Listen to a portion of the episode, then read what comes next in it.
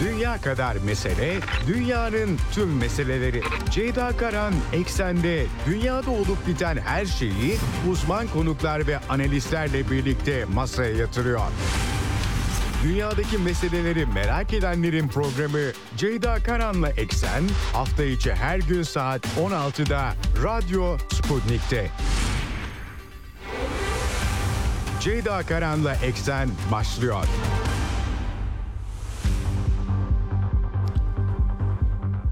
Eksenden merhabalar efendim. Bugün 8 Ocak 2024 günlerden pazartesi yeni yılın ikinci haftasına da başlıyoruz. Dünyadan haberlerle yine karşınızdayız. Orta Doğu başta olmak üzere kriz bölgelerinden dikkat çekici öne çıkan haberler var size aktaracağım. Bugün İsrail-Filistin çatışmaları 95. gününde İsrail Gazze'nin kuzeyindeki işini tamamlamak üzere olduğu mesajını veriyor. Çekilme iddiaları var. Orta kesimler güney duruyor yerli yerinde. Çatışmalar var ama daha önemlisi bölgesel gerilim. Ee, çok kısa bir süre önce Reuters haber ajansı dahil olmak üzere kaynaklar Lübnan'da bir başka suikast özellikle e, İsrail-Lübnan sınırındaki operasyonlardan sorumlu Hizbullah komutanlarından birisinin e, İsrail tarafından öldürüldüğünü duyurdu.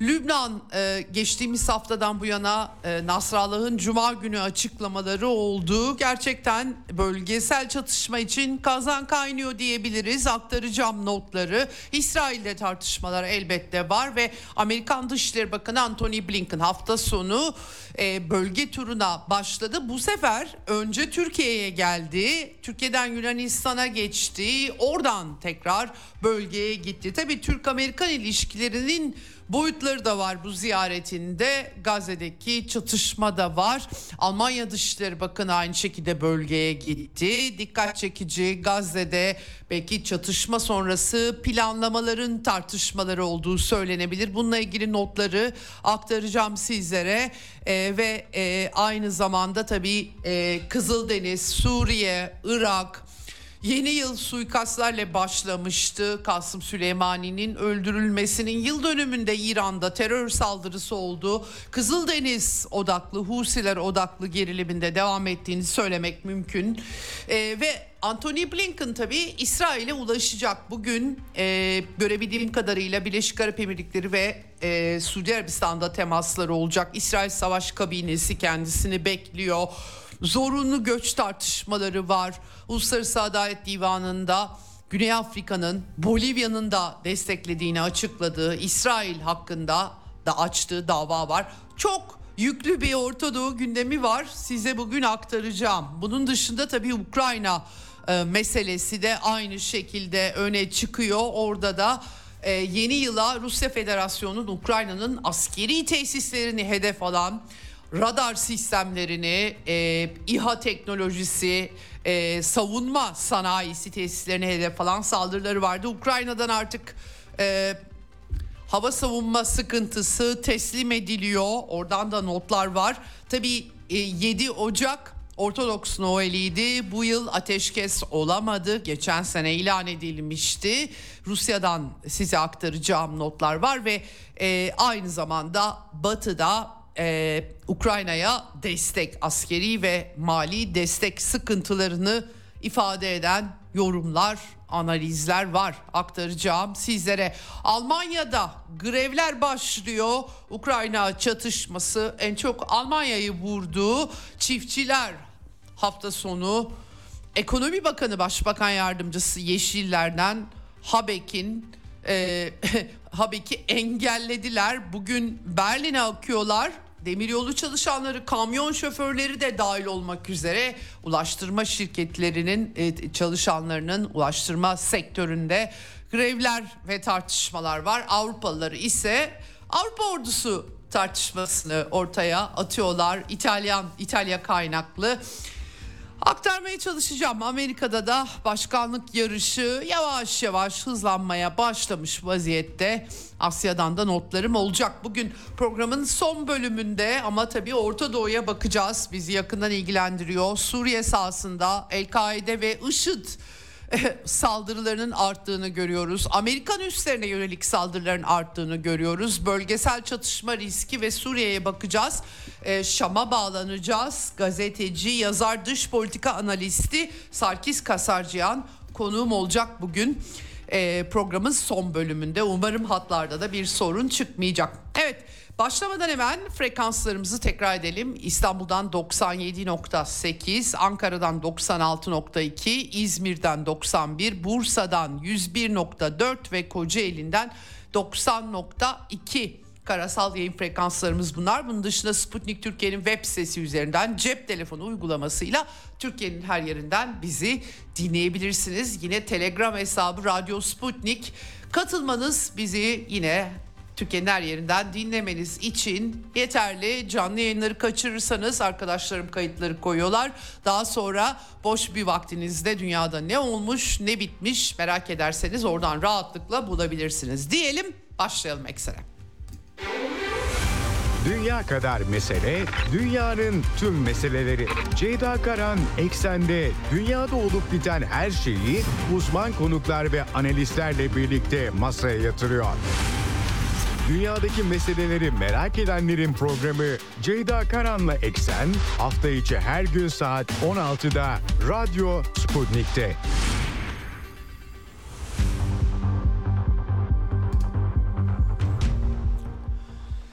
Evet bugün 95. gün artık 3 ayı geçti. İsrail-Filistin çatışmaları Hamas'ın baskınıyla başlamıştı. Can kaybı 3 ayda 23 bine dayanmış durumda çoğu kadın ve çocuklardan oluşuyor. Yaralı sayısı da 59 bine dayanmış durumda. Hafta sonunda en çok konuşulanlardan birisi de El Cezire televizyonu muhabiri Vael Dahduh'un en büyük oğlunun e, Hamza'nın öldürülmesi oldu.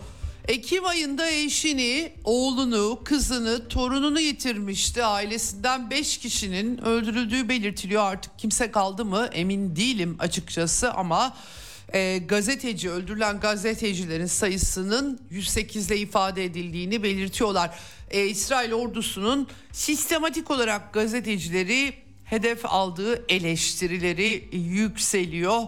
E, e, yani tabi İsrail bunu kabul etmese de bu yönde bir takım iddialarda e, güçlü e, iddialar İsrail askerlerine dayanarak ortaya atılıyor. Efendim diğer yandan da hafta sonu boyunca pek çok videosunu ben de gördüm Telegram kanallarında. Yatay düzleme Gazze şeridinde askeri operasyon sahaları tabi kent savaşının güçlüklerinin de etkisiyle askerler patlayıcılarla havaya uçuruyorlar. Blok apartman bloklarının tamamlarını bunları da biraz da keyifle yapıyorlar. Gerçekten videolarda çok çarpıcı videolar sosyal ağlarda da geniş yankı uyandırdı. Sınır tanımayan doktorlar örgütünün Gazze proje koordinatörü Jacob Burns'ün açıklamaları var. Filistinliler için durumu korkunç olarak nitelendirdi. Gazze yok oldu. Çok bir şey kalmadı. Üzgünüm. Tekrar buranın yaşanılır bir yer haline gelmesi çok zor diyerek ifade ettiği durumu. Gerçekten e, Hamas'ın bu e, fitilini ateşlediği operasyonla ve diğer Filistinli gruplarla İsrail için büyük bir fırsata dönüşmüş gözüküyor askeri gücünü sergilemek bakımından. Tabii ki bu Amerika Birleşik Devletleri'nin e, koruması, kollaması sayesinde de oluyor. Gerçi bunu delmeye yönelik çeşitli girişimler var hafta sonunda e, dün geçen hafta aktarmıştım size Güney Afrika Cumhuriyeti Uluslararası Adalet Divanı'nda 1948 soykırım BM soykırım sözleşmesi uyarınca İsrail hakkında dava açtı. Bugün Bolivya'dan da destek açıklaması geldi. İsrailli yetkililere karşı geçici tedbirler alma talebi yükseltiliyor. 11-12 Ocak tarihlerinde de ilk duruşma yapılacak 80 sayfalık bir iddianame var e, İsrailli yetkililerin e, işte Gazze'ye nükleer bomba atılmasından tutalım da Netanyahu'nun Amelek din motifli açıklamaları e, Gazze'deki bütün bir sivil nüfusun 2.3 milyon insanın Naziler olarak nitelendirilip yok edilmesini e, normalleştirecek açıklamalar bunlar tabii e, derlenmiş gibi gözüküyor.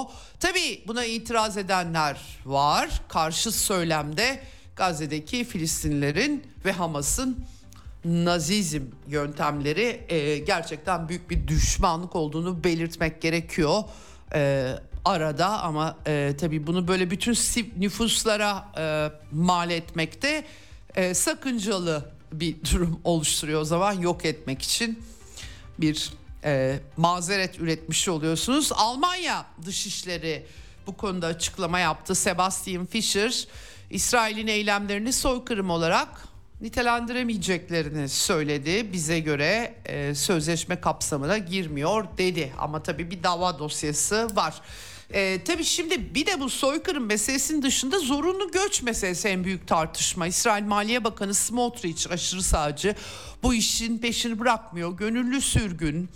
Tabii e, bu nasıl yapılacak gönüllü göç insanları yaşadıkları yerden 21. yüzyılda bu şekilde koparıp atmak.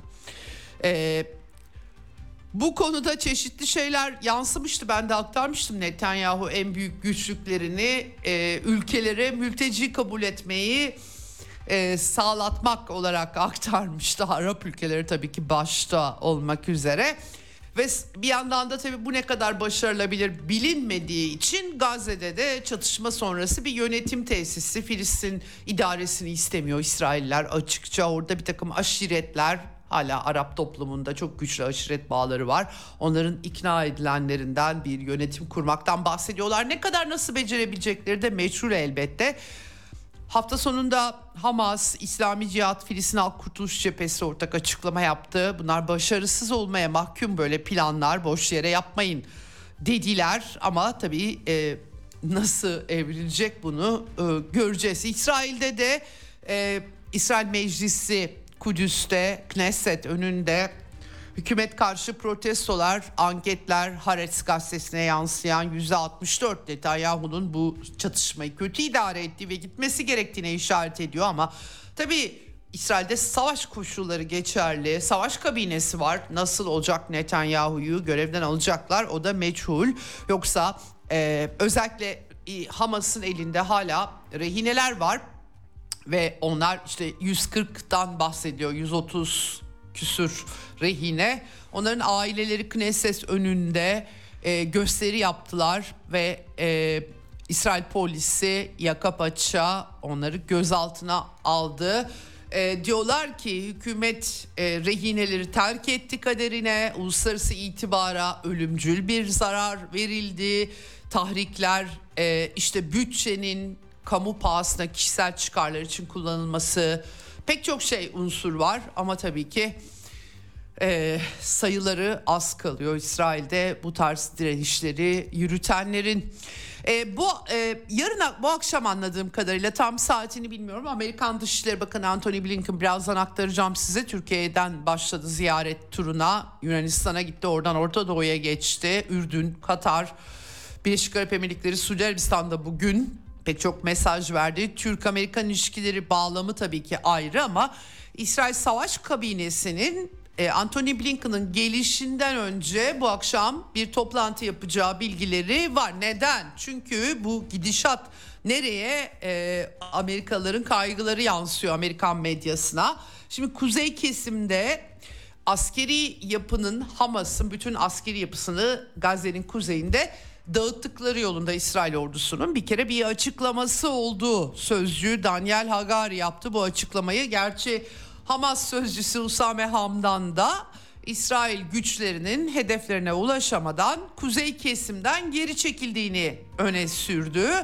Ee, tabii e, iş bitmiş e, gibi gözükmüyor. Bir yandan Genelkurmay Başkanı İsrail'in Herze Halevi de 2024 yılı savaş yılı olacak dedi. Zorlu geçecek. Bütün yıl Gazze'de savaşacağız dedi. Dolayısıyla bu çekilme taktik bir çekilme kuzey bölgelerinden sayılabilir. E, bu çekilme var ama tabii işin bir de Hizbullah ayağı var.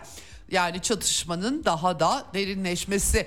Yeni yıla 2 e, Ocak'ta e, Hamas'ın siyasi büro başkan yardımcısı Salih El Aruri'nin Beyrut'un güneyindeki Dahiya'da Hamas ofisinin vurulması yoluyla suikastiyle başlanmıştı. 3 Ocak'ta Kasım Süleyman'ın ölüm yıl dönümünde Kirman eyaletinde İran'ın bir de terör saldırısı olmuştu. Tabii İsrail bunları üstlenmiş değil ama e, çatışmanın yayılması tehlikesi giderek artıyor diyelim ya da bunu nasıl bıçak sırtında yürütecekler o da belli değil. Biden yönetimi özellikle Lübnan konusunda e, müzakerelerde gündeme gelen bir isim var Amos Hochstein kıdemli danışmanı onu bölgeye yollamıştı. İsrail'de de aynı şekilde ve İsrail yönetiminin Hizbullah kanadının tes- teskin edilmemesi durumunda İsrail'in savaşa e, Lübnan'la savaşa hazırlandığı yolunda uyarıda bulunduğu haberleri var.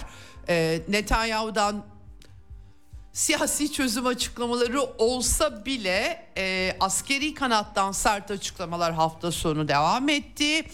Hizbullah üzerinde baskı kurmak, ordunun hazırlık seviyesi tam dedi Genelkurmay Başkanı İsrail'in. Savunma Bakanı Yoav Galant aynı şekilde e, bir kuzey komutanlığına bir üsse gitmiş. Burada kum saati artık bitiyor. E, yani büyük bir askeri saldırı başlayabilir. Wall Street Journal gazetesine de söyleşi yapmış, e, röportaj vermiş ve Hizbullah'la çatışmaktan korkmadıklarını dile getirmiş. Şimdi hafta sonu tabii Washington Post gazetesine İsrail'in olası bir bölgesel savaşa girişmesinden Amerikan yönetiminin duyduğu kaygılar yansıdı. Amerikalı yetkililer fısıldamışlar Washington Post'a özellikle savunma istihbarat ajansı Amerika'nın e, yetkilileri analistleri bir araya gelip tartışmışlar durumu ve özetle şöyle bir şey söylüyorlar. Yani temelde çatışmaya karşı olmak da değil mesele ama ikiye bölünmüş bir İsrail ordusu var. Bir Gazze'de e, kara savaşı harekat var. Bir de kuzeyde dolayısıyla Hizbullah'da iyi eğitimli savaşçıları on binlerce füzeye sahip dolayısıyla da büyük bir çatışma İsrail'i çok yıpratabilir görüşü ağırlık kazanmış böyle gözüküyor. Dolayısıyla Anthony Blinken'ın Orta Doğu turunun sonunda anladığım kadarıyla gidiyor. Ee, gittiğinde savaştan kaçınılmasını telkin edeceği iddiaları e, öne çıkıyor ama e, bütün gelişmeler bunun aksine işaret ediyor. Bu Batı medyasına yansıyanlarla birlikte Beyrut Havalimanı'na bu arada hafta sonunda bir siber saldırı yapıldı. Hizbullah karşıtı mesaj yayınlandı. Arkasında kim var tam bilmiyoruz. Soldiers of God Tanrı'nın askerleri, The One Who gibi bilgisayar korsanlık korsanları gruplarına atıflar yapıldı. Hizbullah'ı eleştiren e, Lübnan'da da kimse savaş istemediği için herhalde biraz kamuoyuna yönelik denebilir bunlar. E, ama e, karşılıklı atışlar var tabii. Hizbullah e, e, Hamas'ın siyasi büro başkan yardımcısı e, Salih El Aruri'nin suikastla öldürülmesinin intikamı olarak İsrail'in hava üslerine 62 roket ateşledi. Meron hava üssü özellikle. İsrail ordusu da onlara yanıt verdi. Blida şehri yakınlarında Hizbullah, Hizbullah'ın komuta merkezini vurdu hafta sonunda. Bugün tabii e, daha başka bir haber geliyor. Üst düzey bir komutan güney bölgesindeki operasyonların sonu, sorumlusu elit Radvan güçleri var. E, Visam El Tavil İs, e, İsrail'le mal ediliyor tabii ki. Burada e, Mecdel Sen köyüne bir saldırıda araca hisabet etmiş anladığım kadarıyla İHA'lı diye anlıyorum. Tam neyle düzenlendiğini anlayamadım ama e, tabii bir, bir başka komutan e, bu sefer Hizbullah komutanını vurmuş gözüküyor. Cuma günü Hasan Nasrallah Hizbullah Genel Sekreteri bir konuşma yapmıştı ve burada biraz durum analizi vardı. E, hem Amerikan yönetiminin Ukrayna ile meşgul olduğu ve orada da stratejik yenilgiye hazırlandığı saptaması vardı ve bu durumda da Orta Doğu'da yeni bir savaş istemediği Amerika'nın genelde Amerikan medyasına da böyle yansıyor bunlar zaten. Ee, ama e, tabii Amerika başka cephelerde zorlandığı için diyordu Hasan Nasrallah. Mesela Irak'ın işgalcileri sonunda topraklarından atması için bir fırsat var. Aynı şekilde Suriye'de öyle. Suriye'de IŞİD'i Amerikalıların El-Kaide'yi de finanse ettiğini vurguladı Hasan Nasrallah ve direniş ekseninin eylemlerini küçümseyenlerin yanılacaklarını söyledi. Burada da hemen Kızıldeniz'de e, Yemen'deki Ensarullah hareketinin Kızıldeniz rotasını kapatan eylemlerine atıf yaptı ve e, Lübnan'la ilgili de uyardı eğer savaş açarsanız pişman olursunuz diye E, bu arada kendilerinin zaten durmadıkları ve İsrail'in kuzey bölgelerini hedef almaya devam ettiklerini, e, 50'si sınır noktası 494 saldırı yaptıklarını e, söyledi geniş bir cephede. E, kayıplarının da İsrail tarafından açıklanmadığını söyledi Hasan Nasrallah. Gerçekten e, hakikaten sıkıntılı bir e, durumdayız. Bu iş Lübnan'ı eninde sonunda vuracakmış gibi düşünmemek pek mümkün gözükmüyor doğrusunu söylemek gerekirse. İşin, işin İran ayar, ayar, ayağında bu arada 3 Ocak'taki terör saldırısı Kum kentindeki caminin kubbesine intikam bayrağı çekildi. Kırmızı bayrak. Ee, Kasım Süleymaniye öldürüldüğünde e, Bağdat'ta öldürülmüştü. Trump'ın talimatıyla o zaman da çekilmişti. Tabii intikam yeri ve zamanı İran kendi belirleyecek diye geçen hafta İran Cumhurbaşkanı açıklama yapmıştı ama e, alttan alta bu çatışma devam ediyor. Irak'taki e, üsler hedef oluyor. Amerikan üsleri e, ve Irak hükümeti de sıkışıyor diyebiliriz. Geçen hafta Nuceba hareketini vurmuştu Amerikalılar. Meşru müdafaa hakkımız diye de e, açıklama yapmışlardı ama e, özellikle Haçlı Şabi güçleri IŞİD'le mücadele için 2014'ten sonra kuruldu ve resmi olarak Irak ordusuna bağlı. Dolayısıyla Amerikalılar da Irak ordusuna bağlı bir silahlı gü- gücü vurmuş oluyorlar. Dolayısıyla da e, Irak'ın e, Irak ordusu başkomutanlık sözcüsü Yahya Resul'ün sert açıklaması oldu Amerika'ya karşı. Pentagon sözcüsü Pat Ryder, Patrick Ryder e, Ebu Takva öldürülmüştü Nüceba hareketinden. Buna e, Amerika'ya saldırıları bu kişinin organize ettiğini, sivillerin vurulmadığını, Amerikan güçlerinin Irak hükümetinin davetiyle Irak'ta bulunduğunu, dolayısıyla da meşru müdafaa haklarını kullandıklarını dile getirdi. Gerçekten tabii e, enteresan Amerika'nın işgalle oluşturduğu bir Irak var biliyoruz.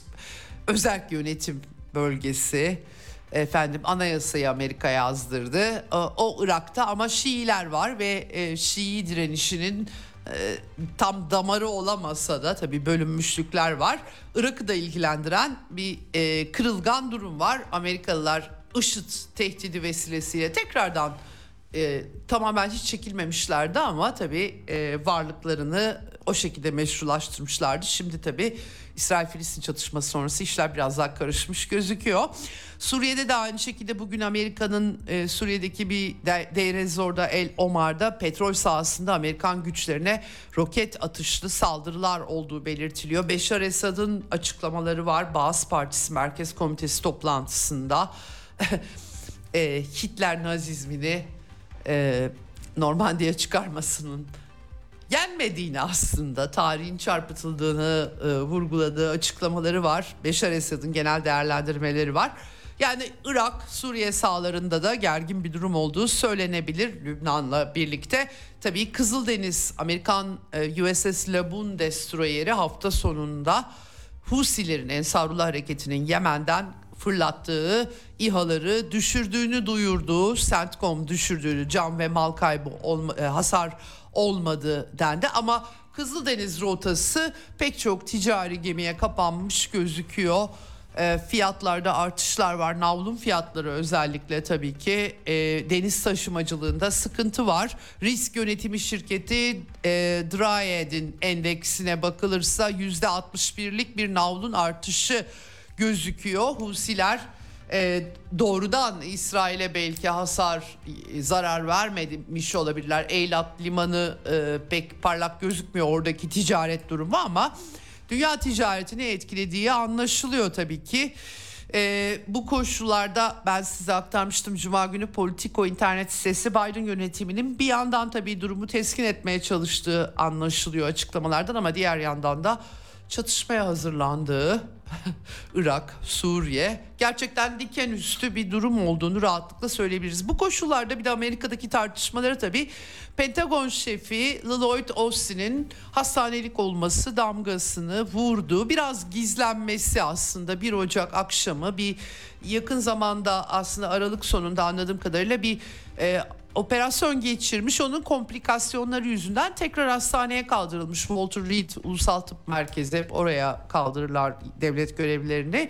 22 Aralık'ta bir operasyon geçirmiş sonra 1 Ocak'ta komplikasyon nedeniyle. Fakat bundan kimsenin haberi olmamış. Sizin bizim olmayabilir ama Beyaz Sarayı'nda olmamış anladığım kadarıyla gizli bir biçimde.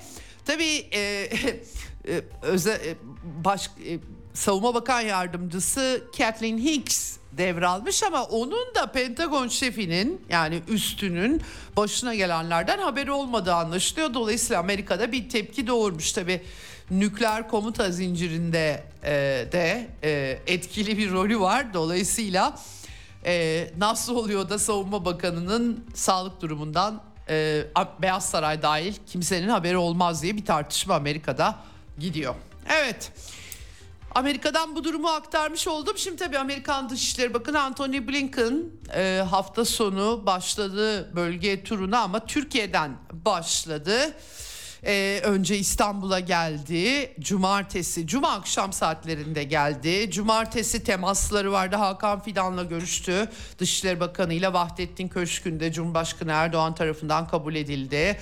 Çok fazla bilgi sızmış değil aslında ama diplomatik kaynakların bize söylediği özellikle Türk-Amerikan ilişkileri, İsveç'in NATO üyeliği e, ve bunun karşılığında F-16 süreci. E, tabii Türk Dışişleri Bakanı'nın özellikle F-16 alım beklentisi, alım sürecinin artık sonuçlanması talebini açıkça dile getirdiği, Türkiye Büyük Millet Meclisi'nde karar İsveç'le ilgili dediği, Gazze'de İsrail saldırganlığından şikayet ettiği anlaşılıyor diplomatik kaynak, kaynaklara yansıyanlara bakılırsa.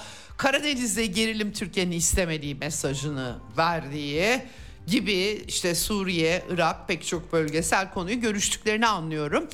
Tabii hemen ardından e, Girit'e gitti Anthony Blinken Suda üssü. Amerika e, Yunanistan artık yüzer Amerikan uçak gemisi haline geldi bir ülke olarak. Her yerde aslında üssü var Yunanistan'da. Son savunma anlaşmasından kaynaklanacak şekilde. Ama adeta Anthony Blinken Yunanistan'da yaptığı açıklamalarla Türkiye'ye nanik yapmış gibi gözüküyor. Ee, e, gerçekten Kiryakos Mitsotakis'le görüşmesindeki söylemler Yunanistan'ın nasıl iyi cici bir Amerikan müttefiki olduğu ona odaklı öyle söyleyelim. Türkiye'deki açıklamaları da aslında Türkiye'nin nüfuzunu kullanarak Orta Doğu'da çatışmanın yayılmasını önlemek önlemesi üzerine odaklanmış. Hangisi ne kastediyor onu çözebilmiş değilim tam olarak ama e, NATO'ya İsveç'in katılımını da konuştuk diyor. Ortak menfaatler efendim üretken bir rol oynamaya açık olduğunu e, Türkiye'nin üretken barış ve güvenlikle ilgili vurgular yapmış. Ama tabii Yunanistan'la e, Yunanistan'da yaptığı açıklamalarla kıyaslarsak pek e, e, Yunanistan çok daha cici Amerikan müttefiki onu anlıyoruz. Bu arada tabii Amerikan medyası 15 Ocak tarihine odaklı bir takım pazarlıklara işaret ediyor. Anthony Blinken iddiaya göre e, İsveç'in NATO'ya üyeliğinin artık e, Türkiye tarafından, meclis tarafından 15 Ocak'ta onaylanmasını istemiş. Ama tabii Ankara'da F-16 modernizasyonu hemen kongreye mektup yollayıp onu da onaylatın. Eş zamanlılık talebi açıkça Cumhurbaşkanı artık dile getirdi. Dolayısıyla böyle bir pazarlık yok gibi de bir şey diyemiyoruz artık. Ee, ama tabii e, nasıl garanti edecek? Amerikan sisteminin en şahane tarafı o. Çok iyi bir e, gerekçe üretiyor Amerikalılara özellikle yönetime biz çok istiyoruz ama kongremiz bir türlü onaylamıyor diyebiliyorlar. Ee, böyle bir durum e, var. Onun karşılığında da tabii ki e, Türkiye'de biz de çok istiyoruz ama TBMM onaylamıyor diyebilir madem öyle. E, herkes tabii meclis gruplarındaki çoğunluklar üzerinden istediği analizde yapabilir.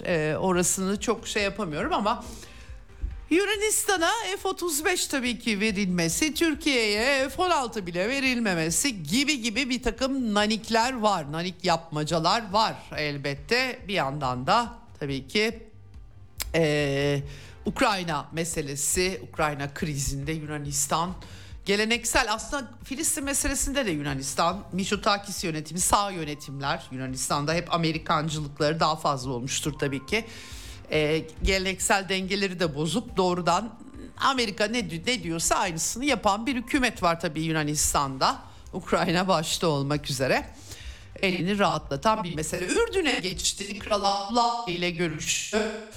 Ee, e, Anthony Blinken. Burada e, daha ziyade yansıyan tabii Ürdün bütün bu bitenlerin İsrail'in topraklardaki nüfusuna kurtulması bir fırsata dönüşeceği paniğin haklı olarak e, Gazze'dekilerin Mısır'a boca edilmesi Batı Şeria'dakilerin Ürdün'e boca edilmesi zaten Ürdün nüfus çoğunu Filistin haklarının oluşuyor. Velhasıl 2. Abdullah Anthony Blinken'a e, harekat felakete dönüşüyoruz, zorunu gönül reddediyoruz diyerek açıkça e, dile getirmiş Ürdün Kralı. Bu kadar ziyareti de Blinken'ın tamamlandı. Ee, orada tabii Blinken e, Arap devletinden işlemlerden çıkarttığımız e, şey Muhammed bin Abdurrahman El Sani ile basın toplantısında Filistinli sivillerin koşullar el verdiğinde evlerine dönebilmesi gerektiğini Gazze'yi terk etmeye zorlanamayacaklarını, zorlanmaması gerektiğini, söylemlerin İsrail kabilesinin söylemlerinin sorumsuzca olduğu velhasıl kelam İsrail'in zorunlu sürgününün e, e, en azından retorik olarak Amerikalılar doğru bulmuyorlar. Anthony Blinken'ın temaslarının bir kısmına damgasını vurmuş gözüküyor. Bugün Birleşik Arap Emirlikleri ve Suudi Arabistan'da temasları var. Ee, böyle bir e, çerçeve var. Bu arada Almanya Dışişleri Bakanı da İsrail'e gitti. Bu kaçıncı gidişi bilmiyorum. Annalena Baerbock. Diplomattan başka her şeye de benziyor kendisi aslında ama...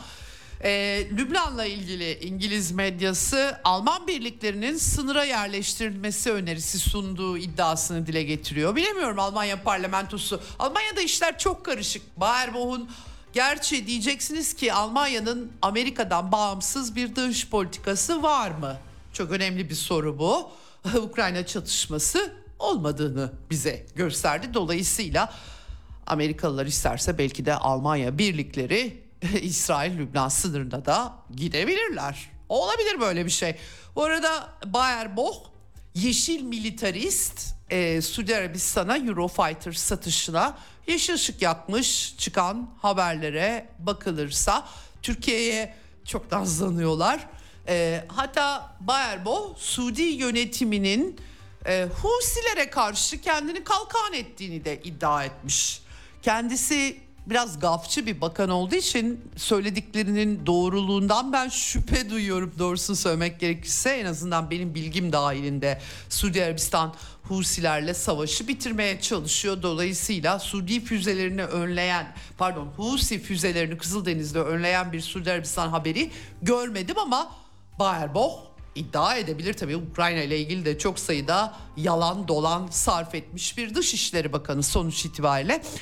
Göreceğiz onu. Ee, bu arada Cumhurbaşkanı Erdoğan da Zelenski ile telefonda konuştu hafta sonu. Neden derseniz çok çözemedim doğrusu ama Anthony Blinken'dan sonra olduğunu anlıyorum. Biraz tabii İstanbul'da Ukrayna-Rusya arası anlaşma yapılacaktı ve Biden ve İngilizler Boris Johnson bozmuştu. Türkiye'nin dolayısıyla en azından mekan sağlamak gibi geçmişi var son iki senede barış görüşmelerine ev sahibi yapmaya hazır olduklarını Erdoğan dile getirmiş. Ama Zelenski zaten kendi yasakladığı için barış görüşmelerinin ne anlamı olduğunu çözebilmiş değilim.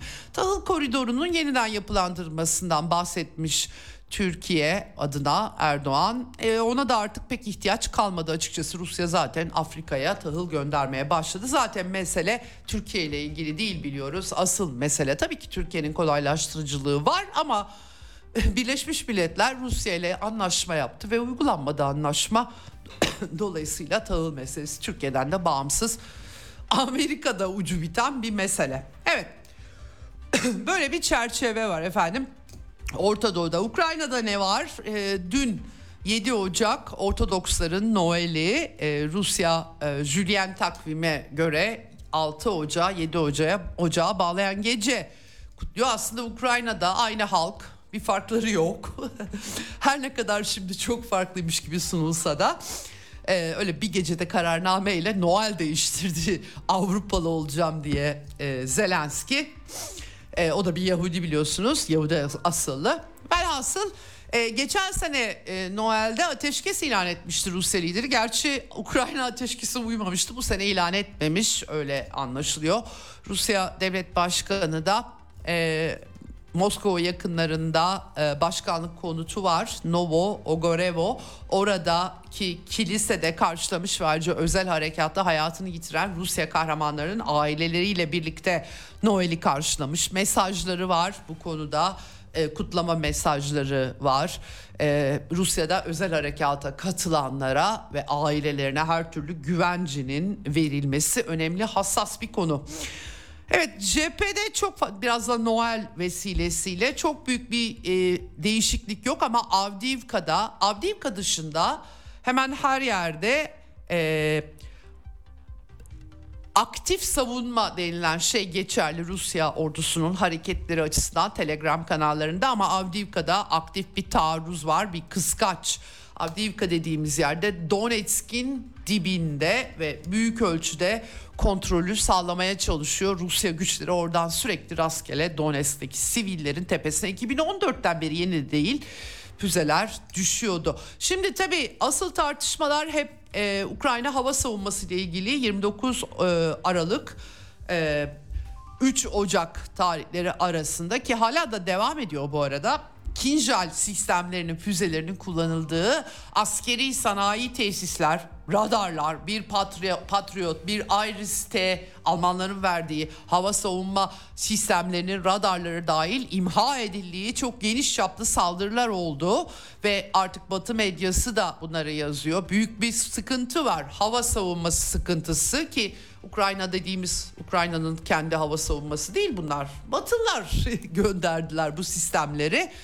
Dolayısıyla bu tartışmalar var ve e, bir de İngiliz medyasında MI6 iddiaya göre Rusya Federasyonu güçlerinin 15 Ocak'ta taarruza geçeceği. Evet MI6 İngiliz istihbaratının analizi bu şekildeymiş. Ukraynalıları da uyarmışlar. Bilemiyorum tabii ki geçebilirler ama İngiliz istihbaratının bu çatışmayla ilgili ortaya attığı herhangi bir analiz çok güven vermiyor bana doğrusu. Çünkü hep yanlış çıktı bütün analizleri. Dolayısıyla çok başarılı değiller. Kandırma, e, yanıltma operasyonlarında başarılı olabilir İngiliz istihbaratı ama olup bitenleri e, kabullenip öngörme konusunda doğrusu iyi bir sınav vermediler. Harkov bölgesinden kuzeyden bir taarruz beklentisini dile getirmişler. Bir yandan Ukrayna Hava Kuvvetleri sonunda e, bütün bu Rusya hava saldırılarında hiçbir şey düşüremediklerini itiraf ettiler doğru düzgün öyle diyeyim size. Kinjalleri düşürdüklerini öne sürmüştü. Ellerinde böyle sistemler olmadığı belirtiliyor ve e, kayıpları olduğu söyleniyor. Tabii bu Ukraynalıların batıdan aldıkları füze sistemlerini sallamasına engel değil. Donetsk'i vurdular. Hafta sonunda iki sivil e, hayatını yitirmiş, dokuzu yaralanmış durumda. Rusya ordusuna askeri hasar vermek yerine rastgele sivilleri öldürme konusunda üzerlerine doğrusu yok. Efendim e, tabii e, Donetsk lideri Deniz Pushilin açıkça e, diyor ki yani e, hipersonik kinjallar e, falan bu e, bunları Rusya Federasyonu vuruyor ama bunlar da gelip bizim sivilleri vuruyorlar. Dolayısıyla da Donbas'ı tümüyle kurtarmak durumundayız. Ayrıca Nikolayev ve Odessa oraları Rus kentleri dolayısıyla onların da kurtarılması gerekiyor açıklaması yapmış. Bu konuda net bir şey ifade edilmemekle beraber son dönemde sıkça söylenen bir şey bu. Evet doğrusu Rus kentleri tabii ki bu arada. E, hafta sonu çeşitli saldırılar oldu. Neptün füzeleri, hava savunması Rusya Federasyonu'nun Karadeniz'de çalıştı sıkı bir biçimde onu anlıyoruz. Peki Ukrayna'da ne oldu? Ukrayna'da e, Özellikle mali sıkıntılar var. Amerika'dan fonlar, Avrupa'dan fonların suyu kesilmiş durumda. Wall Street Journal gazetesi Batı yardımı keserse para basmak zorunda kalacaklar diyor. Zaten biz bağımsız egemen bir Ukrayna kalmadığını biliyoruz. Bağımsız egemen olması için paranız olması lazım en başta. Başkalarına el avuç açmamanız gerekiyor ama IMF Başkanı Kristalina Georgieva birkaç ay yani eğer Batı mali yardım yapmazsa birkaç ay hatta e, hafta e, idare edebilirler diye bir açıklama yapmıştı. Avrupa Komisyonu bir yedek plan hazırlıyormuş. 50 milyar euro ama 4 yıl için 50 milyar euro. Zaten 200 milyar euro para aldılar. Çoğu e, tabii askeri harcamalar için. Dolayısıyla tam olarak neye yarayacağını kestirmek zor. Şimdi bir de tabii Batı medyası hava savunma sistemleri sıkıntısına işaret ediyor. Özellikle New York Times Amerika'nın verdiği Patriot sistemleri için füzeler kalmadığını yazdı hafta sonu. Pahalı sistemler bu arada bunlar. Top mermileri az, füzeler kalmadı. Danimarka F-16 verecekti. O da ilk sevkiyat 6 ay gecikiyormuş.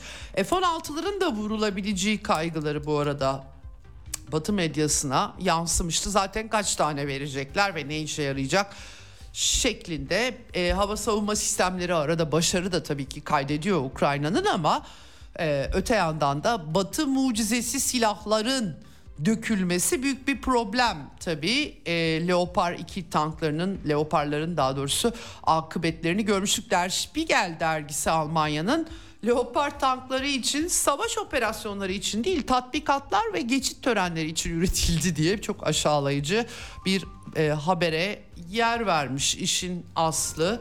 Durum çok parlak gözükmüyor. Meşhur İngiliz istihbaratına yakın Daily Telegraph gazetesinin emekli e, albayı Richard Kemp var. Ukrayna'nın Ukrayna'daki banderacıların baş destekçilerinden de ama e, bütün yaz taarruzu için yazdığı yazıların hepsi yanlış çıktı. İngiliz istihbaratı gibi yazarların da Twitter'da daha 3-5 ay önce yaşasın başarıyoruz gibi başlıklarla şimdi büyük başarısızlık onları yan yana getirip dalga geçenler çok batılı analistlerle hiçbir söyledikleri gerçek çıkmadı. Yalan yanlış analizler yaptılar. Bu sefer Richard Kemp demiş ki yani Batılılar Zelenski yorgun, zafer kazanmak için zayıf. Batı da erken zafer istiyor. Zaten Putin'in Avrupa'yı istila edeceği fikrine de pek inanmıyorlar. İnansalardı zaten çok büyük askeri destek verirlerdi. Gerçekten çok tuhaflar. Kendi kendilerine asker gerçi böyledir hep aşırı sağcılık, neonazizmi destekleyen bir ideolojik akıl kendi kendine çatışma riskleri üretir. Biz yıllardır biliyoruz ki NATO Rusya'yı çevrelemeye çalışıyor dört bir yandan ama diyorlar ki Rusya bizi işgal edecek. 1990'lardan sonra böyle bir şey mi vardı? Niye çevreleme devam etti diye sormuyorlar tabii ki. Öyle bir şey. Rejim değişikliği tabii beklediler. Rejim değişmiyor. Onların her dediğini yapacağı, yapacak bir yönetim olmayınca egemen bağımsız ülke kaynaklarını değerlendirecek yapı olmasın yeter ki Batılıların genel taktiği bu. Eğer öyle bir yapı kurulursa zaten hiç itiraz etmiyorlar. Dolayısıyla ya da çok az itiraz ediyorlar diyebiliriz. Efendim velhasıl Richard Kemp birçok batılı liderin Rusya'nın kendilerini tehdit etmediğine inandığını söylemiş. İyi, güzel vallahi. Niye peki öyle laflar ediyorlar arada sırada? Sallıyorlar herhalde. Evet, e, tabii ortada sıkıntı var. The Spectator dergisi e, bir köşe yazarı Gwen Matthews, Ukrayna'nın 1991 sınırları için belirlediği askeri hedefe ulaşmak imkansız diye yazmış. Artık giderek yazılar bu şekilde oluyor. Daily Express İngilizlerin Ukrayna'nın bölünmesi gerektiğini anlamaya başladıkları Amerikalıların bunun içerisinde tabii Donetsk ve Lugansk'taki insanların Ukrayna'yı kurtarıcı olarak görmediklerini nihayet yazmaya başlayanlar var. Orada yaşayan, Rusça konuşan nüfus 2014 darbesinden beri ben gittim gördüm konuştum. Rusya ordusunu bekliyor adamlar, Ukrayna ordusunu değil. Dolayısıyla nihayet ama biliyorsunuz e, Batı'nın e, sevdiği küçük halklar var, sevmedikleri var sevmedikleri zaman onları anmıyorlar. Mesela Donetsk'te yaşayanlar Ukraynalı diyorlar Ruslara. Öyle enteresan bir durum. Evet, e, pek çok batıda e, haber var bu konuda. E, Scott Ritter eski deniz piyadelerinin e, eski istihbarat subayı aynı zamanda Irak'ta kitle imha silahı yalanlarını vaktiyle deşifre eden bir isim kendisi. Demiş ki Odessa ve Harkov Rusya toprakları olacak. Rusya şehirleri zaten demiş. Bu konuda genel olarak böyle bir görüş var. Sovyetler Birliği'nin yarattığı Ukrayna'nın da Batı tarafından sona erdirilmesi olarak analizlerde var. Avrupa Konseyi Başkanı Charles Michel bu arada görevi erken bırakmaya hazırlanıyormuş iddialara göre. E, buradaki sıkıntı tabii eğer e, erken ayrılırsa yerine 6 ay boyunca Viktor Orban Macaristan Başbakanı geçebilirmiş çok feci.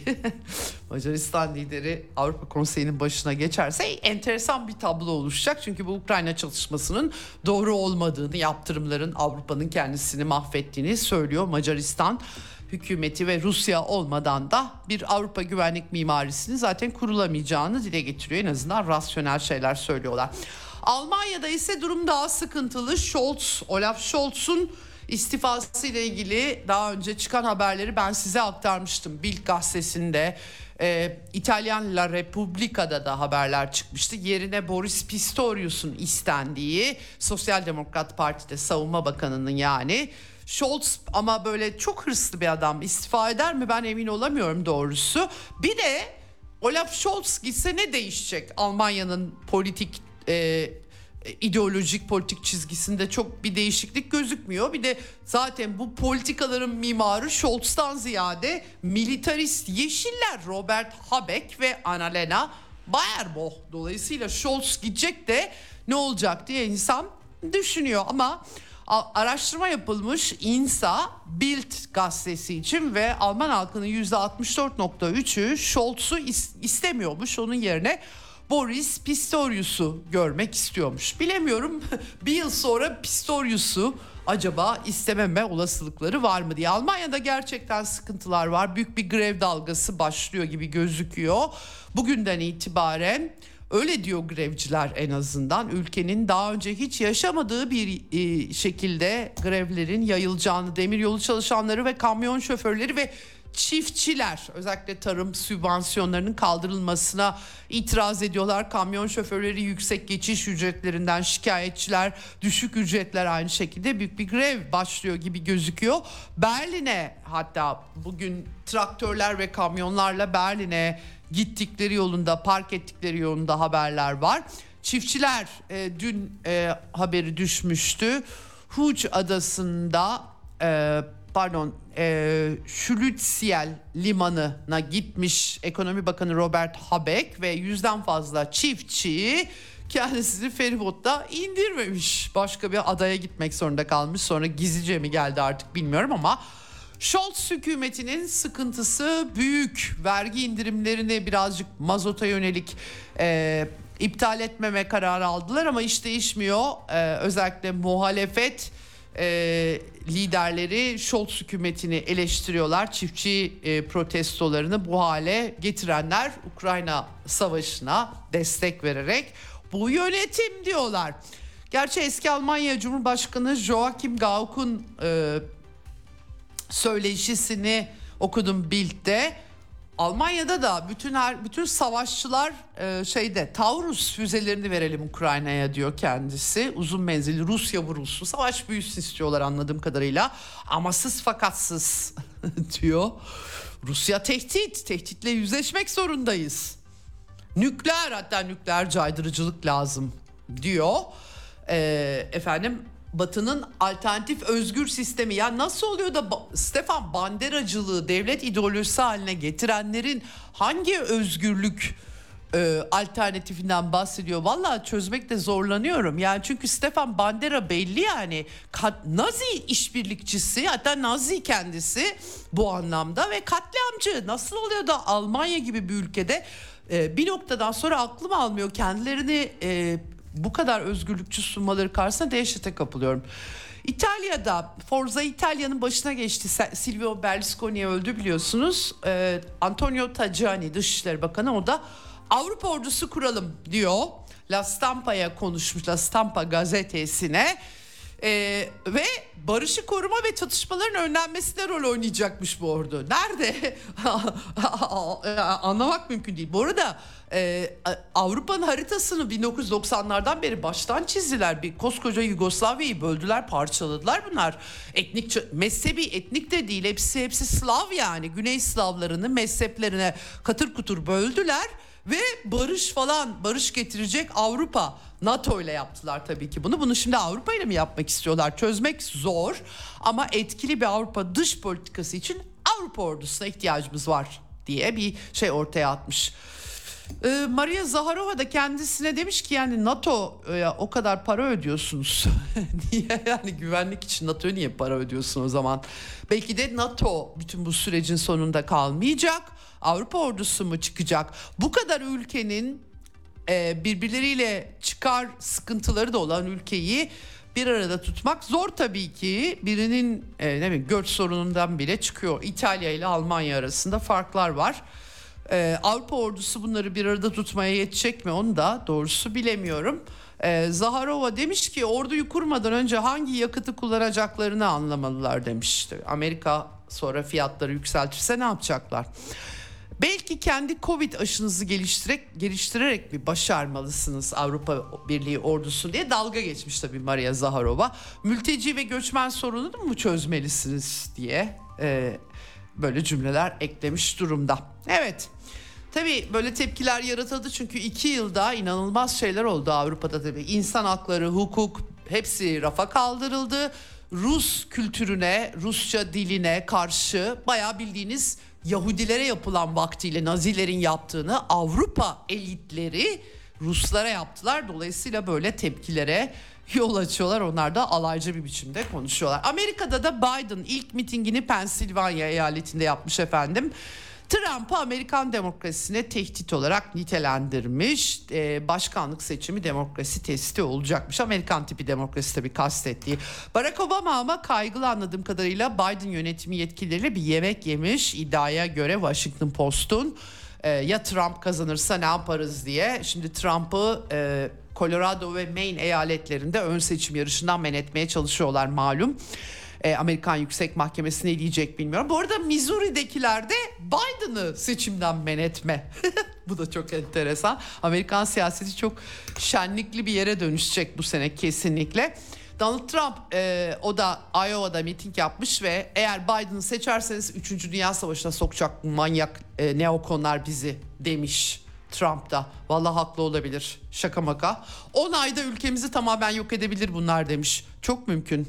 Ee, bir tek ben kurtarabilirim Amerika'yı demiş. Ondan çok emin değilim ama sonuç itibariyle Biden yönetiminin oluşturduğu tepki nasıl oluyor da Biden'a sosyal demokrat ve solcu diyor Türkiye'deki bir takım, bir takım çevreler doğrusu hiç aklım almıyor kendilerini. Evet e, ve artık vaktim de azalıyor. E, tabii 13 Ocak'ta Tayvan'da seçimler var. Çin, Amerika bakalım biraz Asya'da konuşacak mıyız? Çinliler 5 Amerikan şirketine Tayvan'a silah satışı nedeniyle yaptırım uygulama kararı verdiler. Asya'nın suları da ısınacakmış gibi gözüküyor. Ee, Üçüncü uçak gemisi Fujian'ı deniz denemelerine hazırlıyormuş. Çin yönetimi Amerikan donanmasının denizlerdeki üstünlüğüne karşı bir Çin olgusu mu karşımıza çıkıyor diye herkes dikkat kesilmiş vaziyette. Geçen hafta Kuzey Güney Koreler arasında gerilim vardı. Bu hafta biraz daha sakin gözüküyor ortalık. Onu e, belirteyim. E, Japonya'da Asya'da yıla çok kötü başlamıştı. Uçakta yangın pistte uçaklar çarpıştı. Deprem oldu ki can kaybı sayısı Japonya'nın batısındaki e, e, bir bölgede Ishikawa eyaleti Noto Yarımadası'na 128'e ulaşmış durumda can kaybı. Asya e, en azından Japonya çok iyi başlamadı e, 2024'de. Bir de Boeing 737 MAX 9 tipi uçakların uçuşları durdurulmuş efendim. DE de aynı zamanda 5 uçağı uçuştan çekmiş bir e, havada Alaska'da bir parça kopmuş anladığım tehlikeli bir durum var. E, kazalara bir e, örnek. Evet şimdi e, çok kısa bir tanıtım arası hemen sonra buradayız. Sarkis Kasarcıyan e, Şam'dan bağlanacağız kendisine konuğum olacak.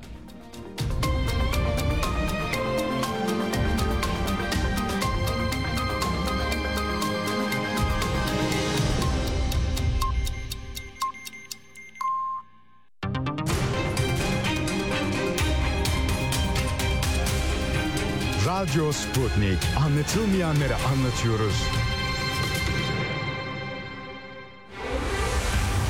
Ceyda Karan'la Eksen devam ediyor.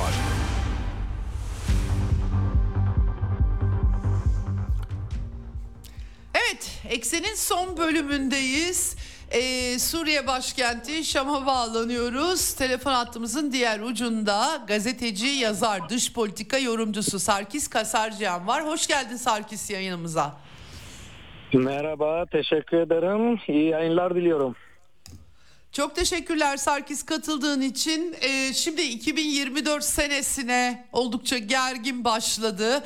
Ee, dünya, Orta Doğu daha çok. Tabii İsrail-Filistin çatışmaları, Gazze'deki savaşın çok etkileri var ama dakika bir gol bir hemen Beyrut'ta bir suikast oldu. Hemen arkasında İran'da e, hem de Kasım Süleymani anmalarında bombalar patladı. E, IŞİD olgusu Suriye sahasında Irak'ta gerilimler var. Özellikle Suriye'de e, Golan bölgesi değil anladığım kadarıyla Amerikan askeri varlığının olduğu her yerde e, bir takım sıkıntılar var. Ee, şimdi öncelikle Şam'dan sen nasıl okuyorsun? Bütün bu olup bitenleri herkesin bir bölgesel çatışma kaygısı var. Ee, Suriye'ye de yansıyor mu bu e, bütün bunlar? Aslında geçen sene de konuşmuştuk depremleri daha çok Şubat'tan itibaren konuşmuştuk seninle. Bir de Türkiye ile Suriye yakınlaşması da konuşmuştuk. Bu sene hiçbiri yok. Onun yerine bir bölgesel çatışma riski giderek yükseliyor. Ee, hissediliyor mu oradan? Hemen değerlendirmeni alalım. Şimdi tabii ki e, doğrudan hissediliyor. E, yalnız hissedilme değil. Suriyeliler kendilerini e, bu konuyla iç içe görüyorlar hı hı. tabii ki. Çünkü bir yandan Hizbullah ve İran'dan bahsediyoruz. Bildiğin gibi bir direniş hattı ya da direniş cephesi olarak bilinen bunlar aslında İran'dan başlayarak Irak, işte Suriye, Hizbullah e, Gazze'ye kadar bir hat yani e, görülmeyen çizilmeyen bir hattan söz ediyoruz. Ama aynı zamanda e, şu da önemli e, bence e, Suriye kesin olarak bu e, savaşa girmeme e, kararı e, almış görünüyor. Bu savaşa hı hı. dahil olmayacaktır. Şimdi Suriye dahil olmazsa bölgede bu savaşın e, daha da boyutlarının büyümesi e, riski daha da az olur. Yani e, zaten Hizbullah savaş içinde. E, Hizbullah tırmanı biraz e, gerginliğe tırmandırır mı? Tabii ki tırmandıracaktır. Biraz sonra e, onun sebebini de konuşuruz. Ama bence hı hı. genel olarak bölgede büyük bir savaştan söz edemeyiz. Niye söz edemeyiz? Burada şöyle anlaşı anlatılıyor ya da e, Hizbullah'a ve İran'a yakın kaynaklarla birçok kişiyle ben konuştum e, makaleler e, yazma sürecinde. E, şimdi onlar da böyle bir e, şey bir e, sebepten e, bahsediyorlar. Diyorlar ki Gazze'de e, şimdiye kadar İsrail e, kendi hedef 3 hedef belirledi işte Gazze'de. Birisi Hamas e, hareketini bitirmek, ikincisi e, Gazze'deki tünelleri e, tümüyle kapatmak, e, alt üst etmek, üçüncüsü de rehineleri e, kurtarmak. Şimdi e, iki aydan e, fazla e, zamanda e, savaşta e, İsrail bunlardan hiçbirisi yap, gerçekleştirmedi bu hedeflerde. Hmm. Onun için hmm. İsrail için diyorlar bu bu savaşın e, daha da e, genişletilmesi ve işte Amerika ve İsrail'in Batı müttefiklerinin bu savaşa dahil olması bir koz olarak görünüyor e, Netanyahu için. Bir kart olarak kullanılmaya çalışılıyor. Yani zaten Amerika bu savaşa doğrudan dahil olmak istemiyor. Onun içinde İsrail işte bir, bir Irak'ta, bir Suriye'de, bir Lübnan'da çünkü bugün suikast düzenlenen kişi aslında Hizbullah'da çok ön e, seviyede olan, üst seviyede, üst hı hı. kademede olan hı. E, askeri yetkili. Hı hı. Yani bunun e, çok büyük bir darbe. Ee, ve e, ayrıca e, zamanlaması da çok önemli çünkü e, aynı zamanda e, Almanya'dan e, Almanya Dışişleri Bakanı'nın Lübnan'a bir öneriyle e, geldiğinden söz ediliyor. Kaynaklar öyle e, konuşuyor. Hı-hı. Almanya işte İsrail-Lübnan sınırın sınır hattında Alman güçlerinin e, e, orada bulunması önerisi getirmiş. E, ayrıca Amerika'dan da İran'a bir e, körfez ülkesi e, yoluyla e, deniliyor ki bence Uman e, olacaktır. Öyle düşünüyorum. Hmm. Uman yoluyla Amerika'nın kesinlikle e, e, Amerikan askerlerinin bu savaşa dahil olmayacağı garantileri verilmiş İran'a. Hmm. Ondan söz ediliyor Arap basınında.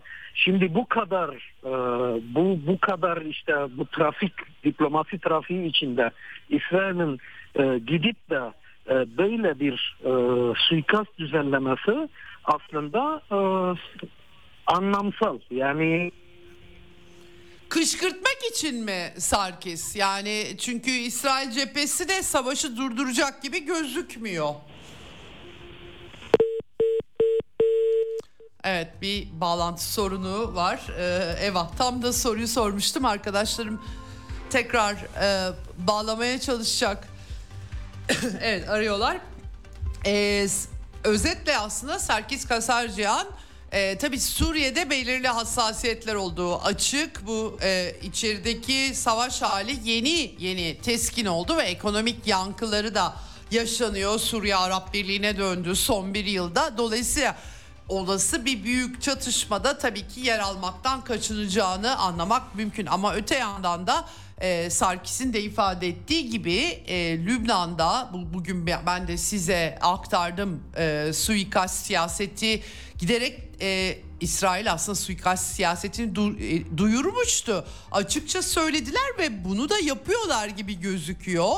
E, Salih El Aruri'yi öldürmüşlerdi ve bugün de işte demin e, yayın sırasında ben de size e, aktardım. Visam Et Tavili e, ki Hizbullah'ın Radvan gücü içerisinde önemli bir e, isim olduğunu anlıyoruz Visam El, El Tavil'in. Onu öldürmüş durumda İsrailler. Dolayısıyla bir yandan da e, çatışmadan kaçınma durumu var ama aynı zamanda İsrail'de suikast siyasetine devam ediyor. E, ve e, e, bütün bu suikast siyaseti karşısında hiçbir şey yapılmayacak mı sorusu çıkıyor ortaya. Anladığım kadarıyla Suriye kaçınsa da Hizbullah'ın ne yapacağı herkesin merak konusu e, olacak e, bundan sonra.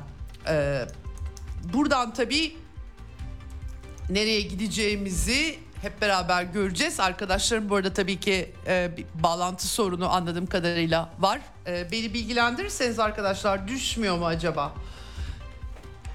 Evet.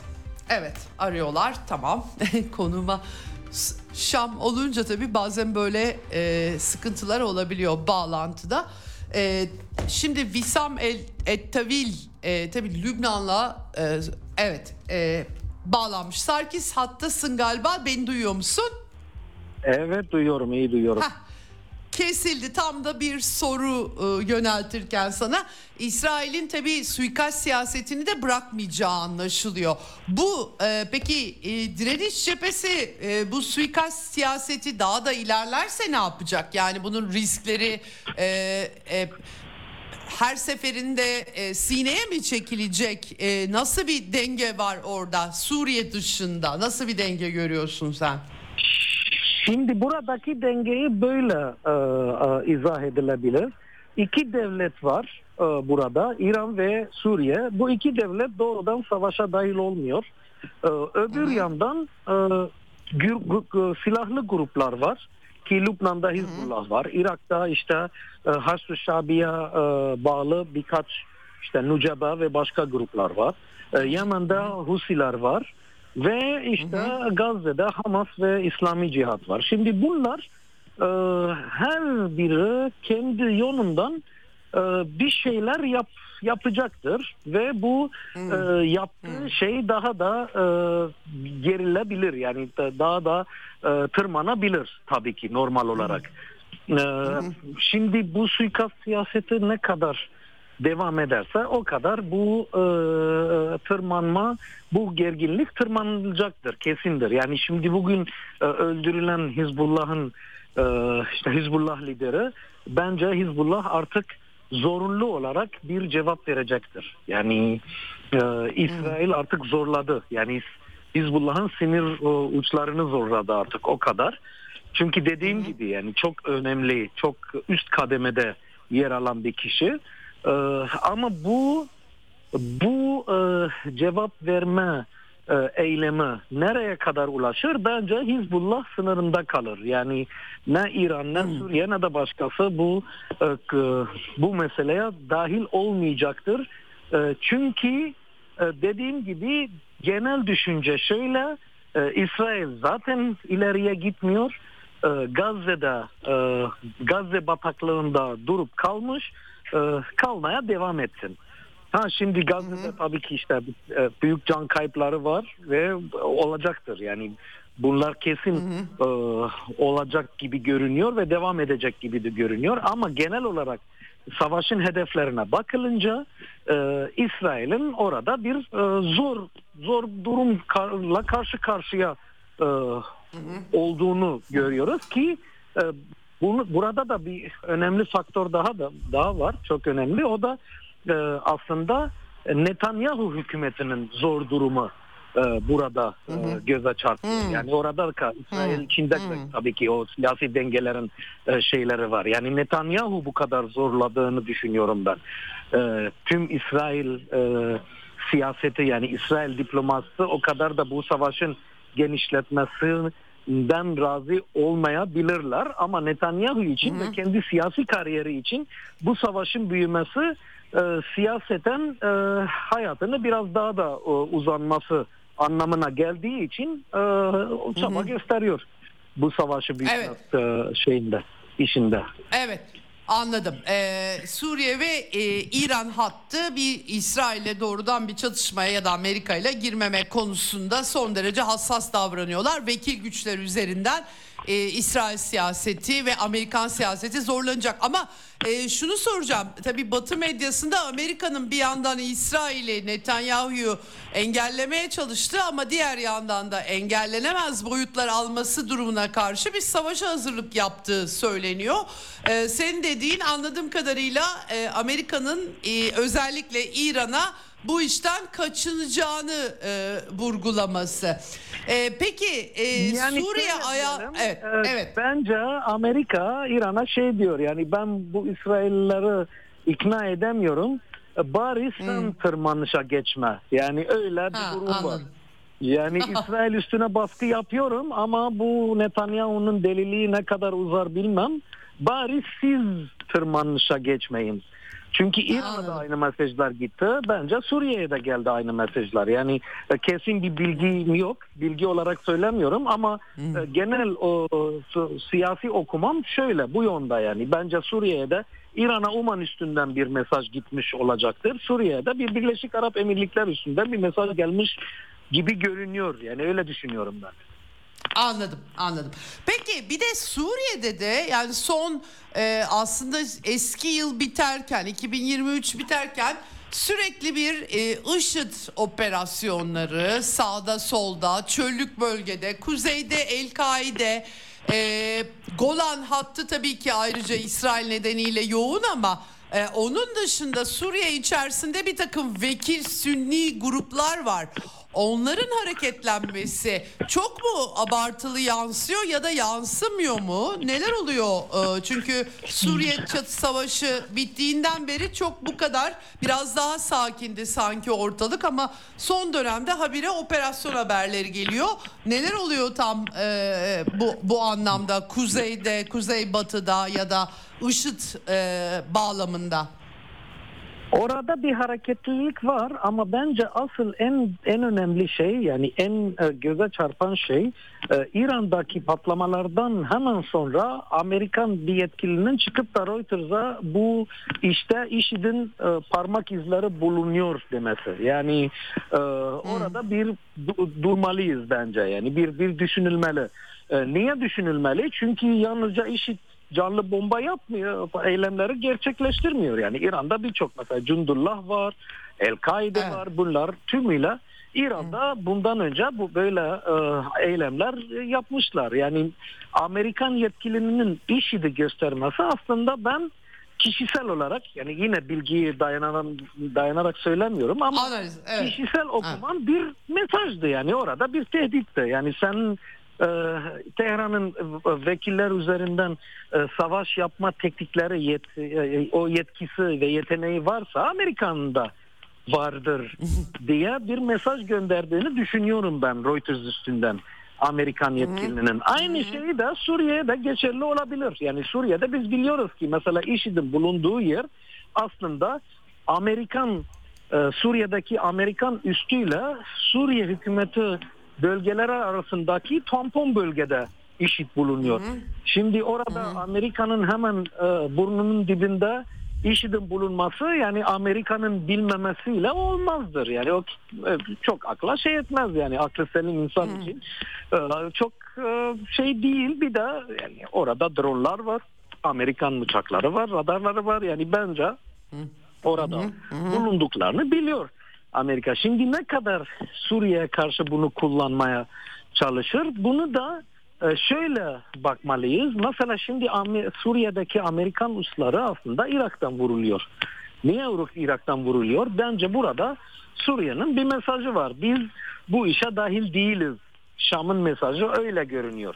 Yoksa Suriye'den vurulurdu. Yani Suriye'den vurulması daha daha mantığı, daha akla şeydir. Niye Evet. Suriye'deki üsler Irak'tan vurul, vurulacak? Ama orada bir vekalet savaş mesajları do- dolaşıyor bence. Yani onun için de IŞİD'in bu hareketlenmesi bir mesaj olarak okunabilir tabii ki yani. Evet.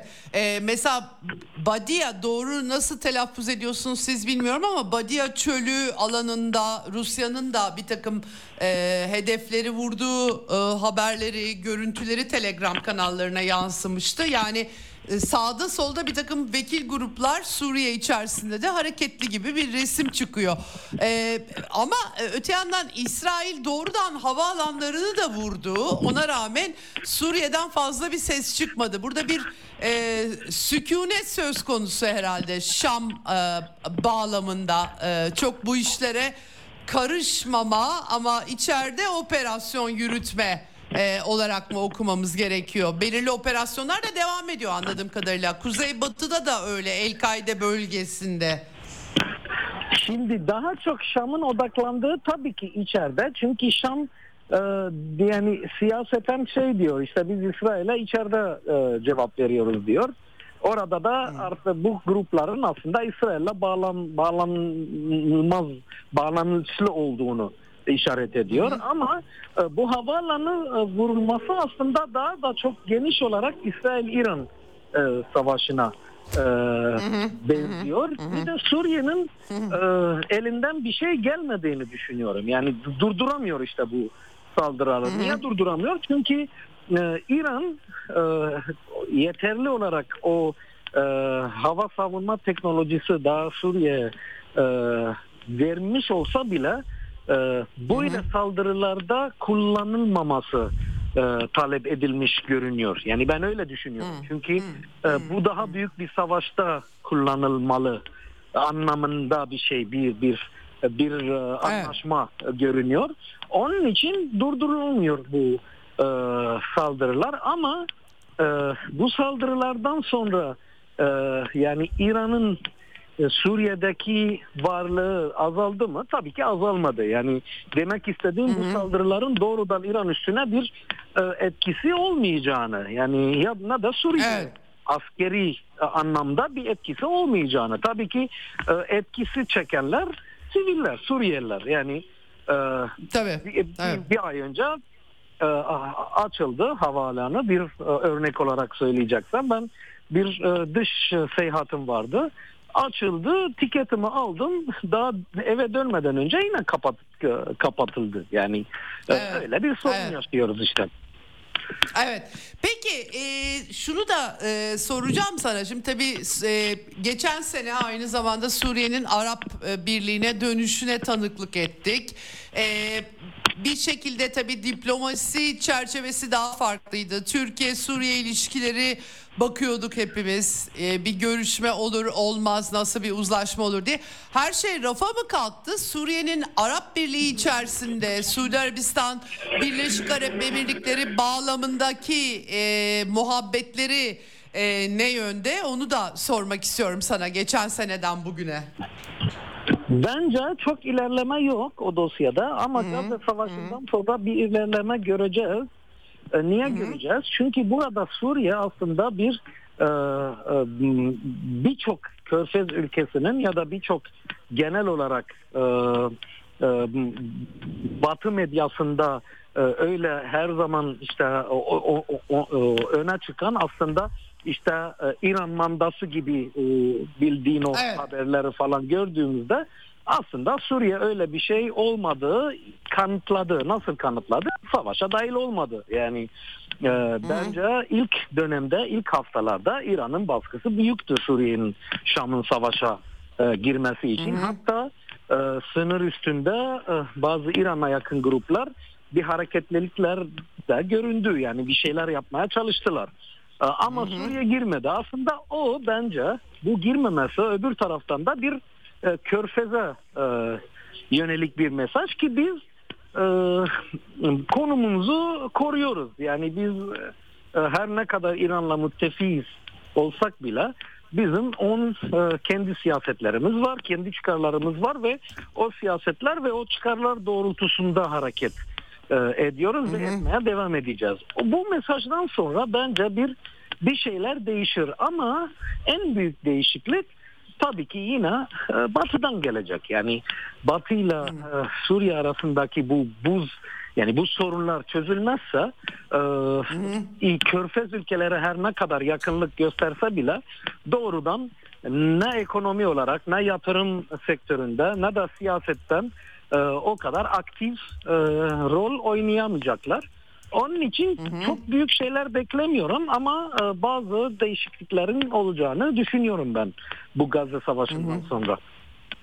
Hı hı, anladım.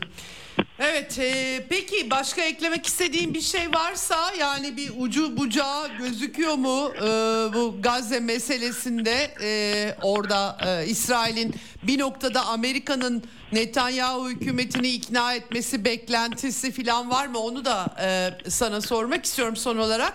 E, ya da görüşünü kısaca almak istiyorum. Böyle bir e, olasılık Bence görülüyor mu çok, Şam'da? Evet Bence çok enteresan olan aslında e, Sayın Hakan Fidan'ın son açıklamasıydı. İşte e, Suriye hükümetiyle de, e, e, muhalifler arasında bir diyaloğun kurulması için e, özen gösteriyoruz ya da çalışıyoruz. E, o anlamda hmm. bir şey e, demişti hmm. Sayın Hakan Fidan. Şimdi bu konuşmanın zamanlaması yine e, e, enteresan. Yani e, tüm dünyanın Gazze'yi konuştuğu bir dönemde bu yani buzdolabı yani hemen hemen buzdolabına koyulan bu meselenin yeniden Sayın Hakan Fidan'ın dile getirilmesi aslında Arap medyasında biraz hareketlilik getirdi. Yani e, Arap medyası hmm. bunu hmm. konuşuyor, tartışıyor.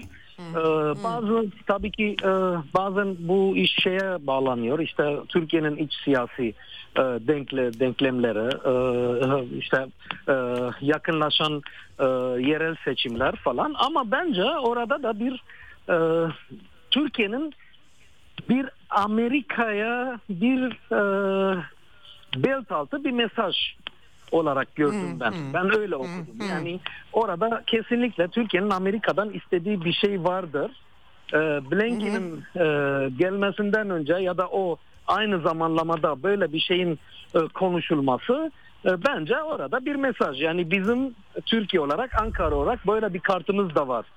Ee, bu muhalifleri itip Şam'la e, konuşmalarını sağlayabiliriz. Yani ki yapabilir Türkiye tabii ki onu. Yani e, en Evet. azından kendine bağlı, Türkiye'ye bağlı muhalifler e, seviyesinde. Hı hı. Onun için ben orada biraz galiba mesela Türkiye ile Amerika arasında bir e, anlaşmazlık olduğunu düşündüğüm bir bir şeyden söz ediyorum. Yani öyle ben ben böyle okudum e, bu Sayın Evet. Hakan Fidan'ın son e, konuşmasını. Evet.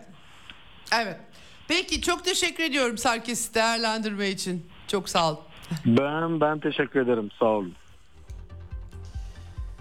Evet Sarkis Kasarcan'la konuştuk. Ee, Türkiye'nin aynı zamanda tabii Suriye sahasında oynayabileceği roller var ama bugüne kadar tabii e, tam olarak gerçekleşmedi. Bu pek çok faktör var tabii ki ama Suriye sahasında Amerika ile sıkıntıları da zaman zaman e, yansıyor. Amerika'nın Suriye projesi tabii ki e, başarılı da olamamış bir proje. Sonuna da erdirilememiş. Türkiye ile yola çıkılmış, yarım kalmış. İçinden bambaşka şeyler çıkmış. Dolayısıyla Suriye'ye etkileri e, Şam'da belli ölçülerde dizginlenmiş durumda ama bütün bölgeyi de ilgilendirecek roller de oynayabilir. E, Tabii oynar mı? O ayrı bir, bir durum. Anthony Blinken geldi, temaslarda bulundu. Türkiye'nin oynayacağı rollerden bahsetti bölgede. Sadece İsrail Filistin'i kastediyor olmasa gerek. Sıkıntılı başlıklar Türk-Amerikan ilişkilerinde bunlar. Epeydir, yeni de değil aslında. Ee, onun da altını çizerim. Evet, bugünlük bu kadar eksenden. Yarın görüşmek üzere. Dünyadan haberlerle, hoşçakalın.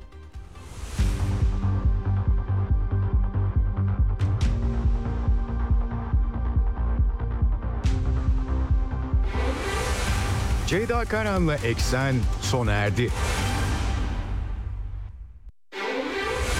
Dünya kadar mesele, dünyanın tüm meseleleri. Ceyda Karan Eksen'de dünyada olup biten her şeyi uzman konuklar ve analistlerle birlikte masaya yatırıyor. Dünyadaki meseleleri merak edenlerin programı Ceyda Karan'la Eksen hafta içi her gün saat 16'da Radyo Sputnik'te.